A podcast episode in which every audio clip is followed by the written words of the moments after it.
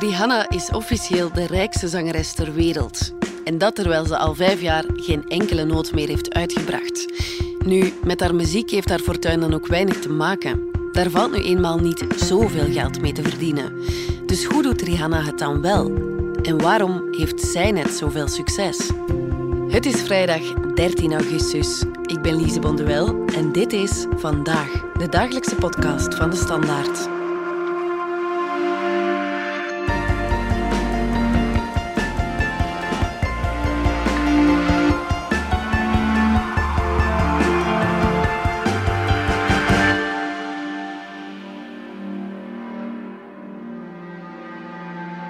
Herinnert je je ongetwijfeld nog dit nummer. 16 jaar geleden veroverde Rihanna hiermee de hitlijsten. Nu, zoveel jaren later, pronkt ze in een andere lijst. De lijst met de rijkste mensen ter wereld van het Amerikaanse zakenblad Forbes. En nog deze hit. Nog deze zit daarvoor iets tussen. Economiejournalist Ruben Mooiman, vertel eens, hoe is Rihanna zo rijk geworden? Wel, niet met haar muziek dus, dat is duidelijk. Ze is nu 1,4 miljard euro waard volgens Forbes. En uh, dat bedrag uh, leidt het blad af uit de waarde van haar bedrijf dat uh, cosmetica op de markt brengt. Dus eigenlijk heeft ze haar fortuin te danken aan cosmetica producten zoals nagellak, oogschaduw, dat soort zaken. En daar is ze dus veel succesvoller mee dan, dan met haar muziek. En ze zou nu zelfs na Oprah Winfrey de rijkste vrouw in de entertainmentindustrie zijn. En ehm, ja, dat bedrijf heet Fenty, zoals ja. ze zelf ook heet, want haar eigenlijke naam is Robin Fenty. Fenty Beauty is het en daar is ze voor de helft eigenaar van. En ja, die producten die lopen heel goed. Ze heeft dat uh, samen met een groot Frans luxe imperium opgezet en uh, dat is een heel groot succes. En het is niet haar enige succes, want ze heeft ook nog een eigen lingeriemerk, Savage ja. Fenty. En dat is uh, nog eens 1 miljard dollar waard. Dus bij elkaar is ze ruimschoots miljardair. Ja, je zegt het gaat wel goed. Ik denk dat dat zelfs een understatement is dan. Um, ze is niet rijk geworden met haar muziek, zeg je, maar zonder zou ze toch niet zo ver staan. Klopt, ze is natuurlijk niet rijk geworden met haar muziek, maar wel beroemd. Ze heeft heel wat nummer 1 hits gehad en daar heeft ze natuurlijk een uh, fanbase mee opgebouwd. Ja. Uh, ze heeft ook enorm veel volgers. Ze heeft 100 miljoen volgers op Twitter en ook nog eens 100 miljoen op Instagram. En uh, ja, dat zijn natuurlijk allemaal potentiële kopers van die cosmetica producten. Dus het model zit slim in elkaar. Eerst bouw je een fanbase op met je muziek en dan daarna verzilver je die beroemdheid via de cosmetica producten. En zo is het eigenlijk uh, in zijn werk gegaan. En ja. ja, zij is niet de enige die dat doet, hè. er zijn er nog. Ja, het zijn echte moneymakers, hè, cosmetica producten. Er zijn wel meerdere beroemdheden die daar een fortuin meemaakte. Ja, dat klopt. Er zijn een aantal cosmetica-merken die uh, door beroemdheden uit de grond gestampt zijn. Kim Kardashian bijvoorbeeld heeft uh, KKW Beauty. Kylie Jenner heeft Kylie's Cosmetics. Mm -hmm. uh, Jessica Alba heeft Honest Company. En je zou zelfs Gwyneth Paltrow er nog bij kunnen rekenen. Met Hope is het, als ik me niet vergis. Ja, met haar vagina-kaarsen. Ja, inderdaad. ja, ja, ja, ja. Dus ja, het is blijkbaar een heel efficiënt model om geld te verdienen met je beroemdheidsstatus. En uh, ja, dat ze voor cosmetica kiezen, dat is ook geen toeval, want dat is natuurlijk een heel interessante uh, productcategorie. Het is heel snel groeiend, de verkoop van uh, cosmetica producten. Hebben we daar concrete cijfers van? Wel, dus ik zei al, um, de cosmetica producten van Rihanna worden via het Franse luxe merk LVMH op de markt gebracht. En ja. LVMH publiceert een jaarverslag.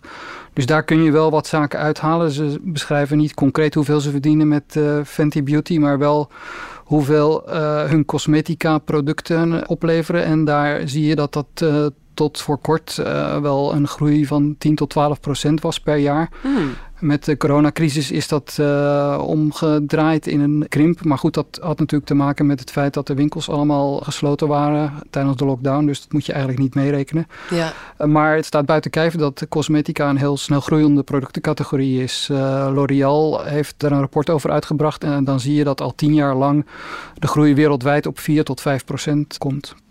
Hoe komt dat dan eigenlijk? Wel, er zijn verschillende oorzaken voor. Ehm, ja, vroeger kon je cosmetica eigenlijk alleen maar in winkels kopen. Nu is ook online een heel belangrijk eh, promotiekanaal geworden. Dat zie je ook bij uh, Fenty Beauty. Dat wordt heel erg gepromoot online. En er is ook een speciale website waar je die producten allemaal kunt uh, bestellen. Dus overal ter wereld kunnen mensen dat nu kopen. Terwijl mhm. dat vroeger eigenlijk alleen in het Westen uh, het geval was. Dus dat is één reden. Een andere reden is dat er ja, gewoon heel veel uh, mensen toegang krijgen. Of laat ik zeggen een inkomensniveau hebben die je toelaat om cosmetica producten te kopen. Mhm. vooral, vooral in China is dat natuurlijk zo. En ook in andere Aziatische landen waar een, een groeiende middenklasse uh, opkomt. India ook. Dan een, een, nog een andere factor is dat mensen ook steeds meer aandacht besteden aan uh, zaken als huidverzorging. En dan een vierde reden is nog dat er steeds meer categorieën zijn in uh, cosmetica. Het is uh, ja, een segment waar je heel veel kanten mee op kan. En ja. Dat, ja, dat zet natuurlijk ook aan tot groei.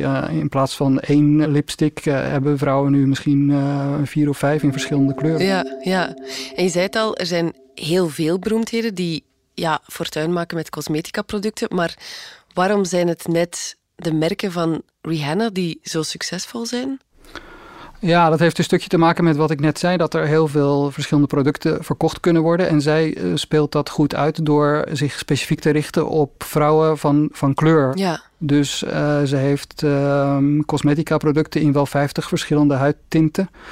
Waardoor ze specifiek laat zien ja, dat het voor alle vrouwen ter wereld bedoeld is. Uh, ja, zwart, blank en, en alles wat ertussenin zit. Dus dat is een, een hele slimme positionering waar ze ja, zich duidelijk mee onderscheidt. Ja, en voor haar lingeriemerk doet ze eigenlijk exact hetzelfde. Klopt. Als je kijkt naar de promoties voor die lingerie, zie je dat het ten eerste niet alleen slanke vrouwen zijn. Het zijn uh, vrouwen met alle um, ja, vormen en maten, ook uh, plus size. Mm -hmm. En ook alle mogelijke huidskleuren. Dus uh, daar zet ze ook heel duidelijk op in. In tegenstelling tot sommige andere merken die daar wel eens kritiek op krijgen. Victoria's Secrets heeft de kritiek gekregen dat ze altijd super slank uh, blonde ja. modellen op de catwalk zetten. Dat doet Rihanna dus duidelijk niet. Ja, haalt Fenty dus een hogere omzet dan, dan andere merken van celebrities?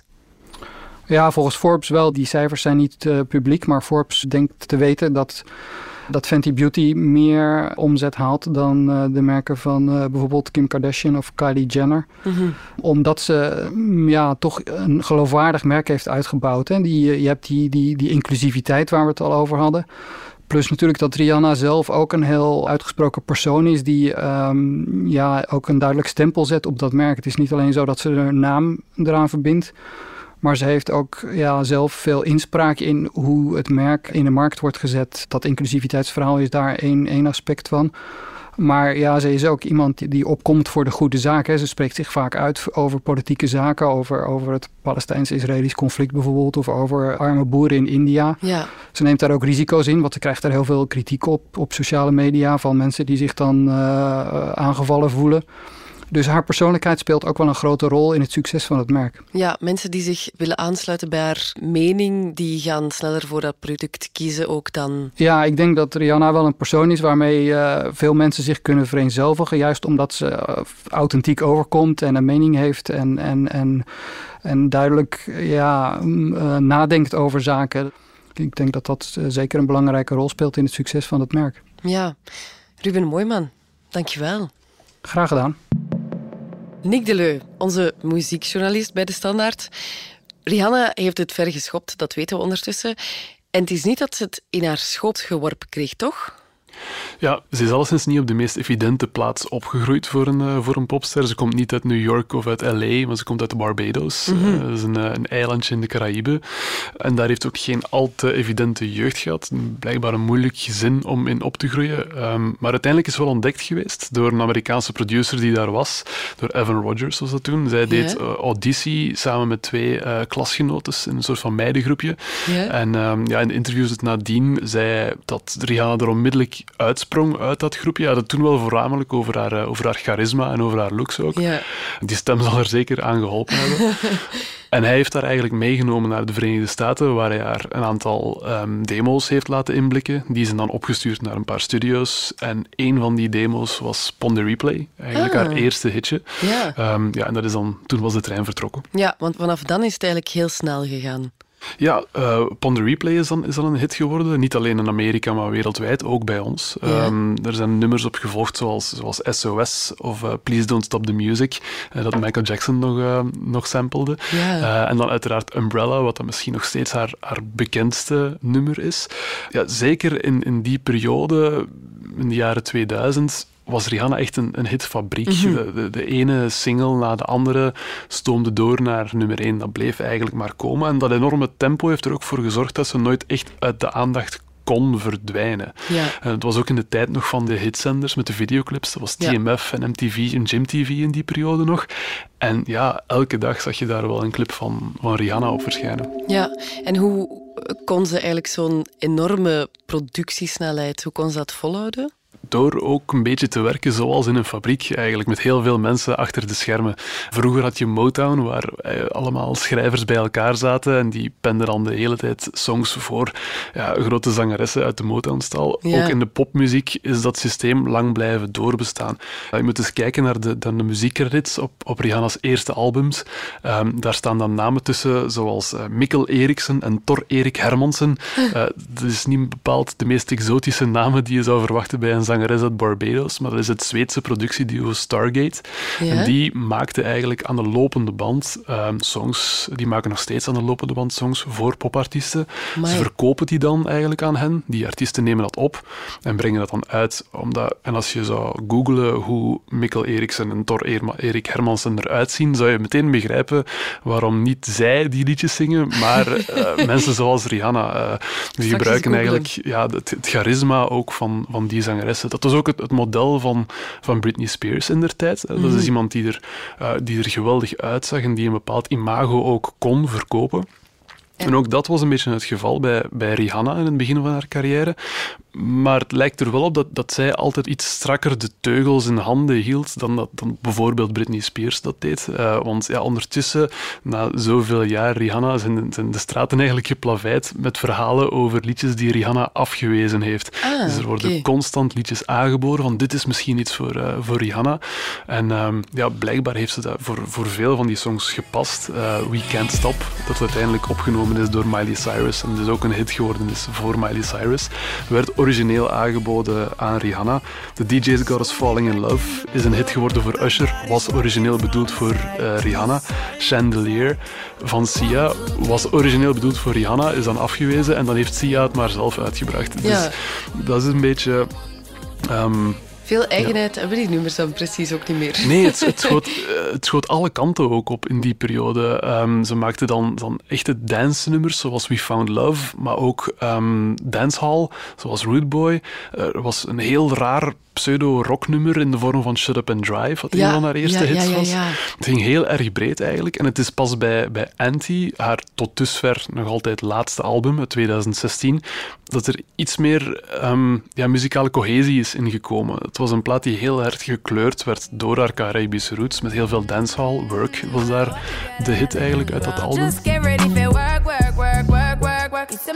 En dat is ook het eerste album waarbij ze zelf veel meer creatieve controle gehad heeft. Plots zag je in al die muziekredits dat haar naam er wel telkens tussen stond. En dat was op de eerdere platen niet het geval. Ehm, ze was losgekomen uit haar eerste platencontract en heeft gezegd ik wil nu eigenlijk meer zelf creatieve controle hierop gaan uitvoeren. Ja, meer haar eigen stempel zetten. Ja, en dat heeft daar ook geen windeieren gelegd. Dat is een heel succesvolle plaat geworden. Het is ook een beetje die plaat die ervoor gezorgd heeft dat ze ja, ook de reputatie wat meer kreeg van, van creatief visionair te zijn en een heel eigen stijl te hebben. Ja, want ik moet wel zeggen, helemaal in het begin had ik haar niet als de onderneemster gezien die ze nu is. Ja, ik denk dat het laatste wapenfeit van Rihanna in onze contraille was ook, uh, was ook de fameuze Pukkelpop-passage waar ze dan uh, het publiek een, een, uur liet wachten, denk ik, eer ze opkwam. Dat heeft ook geen deugd gedaan aan haar, uh, aan haar reputatie. Um, maar het getuigt wel van een zekere eigenzinnigheid. En dat heb je denk ik altijd wel nodig als je wil, wil doorgroeien in de popmuziek. Kanye West doet ook al heel zijn leven koppig zijn eigen ding en hij is ook miljardair nu. Exact. Zijn er eigenlijk veel muziekmiljardairs? Niet zo heel erg veel. Ik denk dat Paul McCartney uh, officieel miljardair is. Kanye West is dus, denk ik, in april 2020 ook door Forbes uitgeroepen tot miljardair. Ja. En daarvoor was in 2019 was uh, Jay-Z eigenlijk de eerste hip-hop miljardair, ook uitgeroepen door, uh, door Forbes.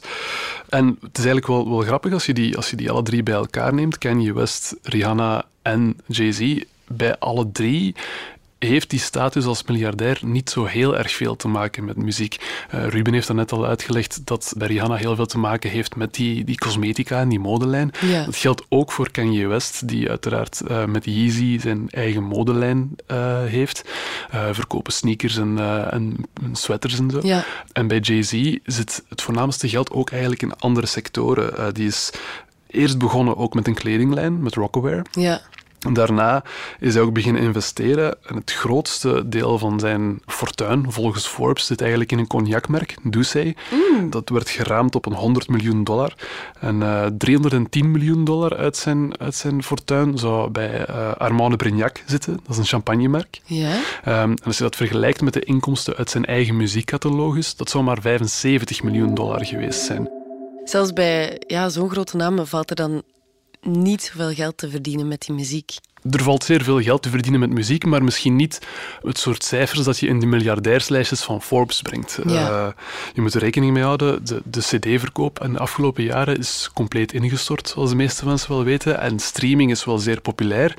Maar ja, je blijft nog altijd maar centiemen verdienen per stream. En dan kan je zoals Rihanna 45 miljoen maandelijkse luisteraars hebben op Spotify.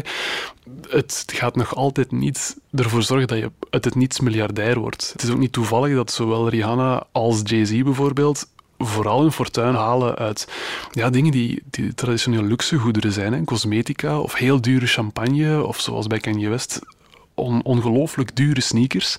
Ja. Ehm, ja, die, die prijspunten zijn zeer anders dan bij, dan bij muziek. Zijn er eigenlijk artiesten van bij ons die het ook zo aanpakken? Ja, ik had het eigenlijk niet echt verwacht, maar mijn, mijn ogen gingen daar uh, een beetje open toen ik een jaar geleden ongeveer met Luz en de Yakuza sprak. Dat is een Brusselse zangeres die uh, in Amerika ook al wel wat succes geoost heeft. Ze is bij Jimmy Fallon is langs geweest Ja. met een van haar singles.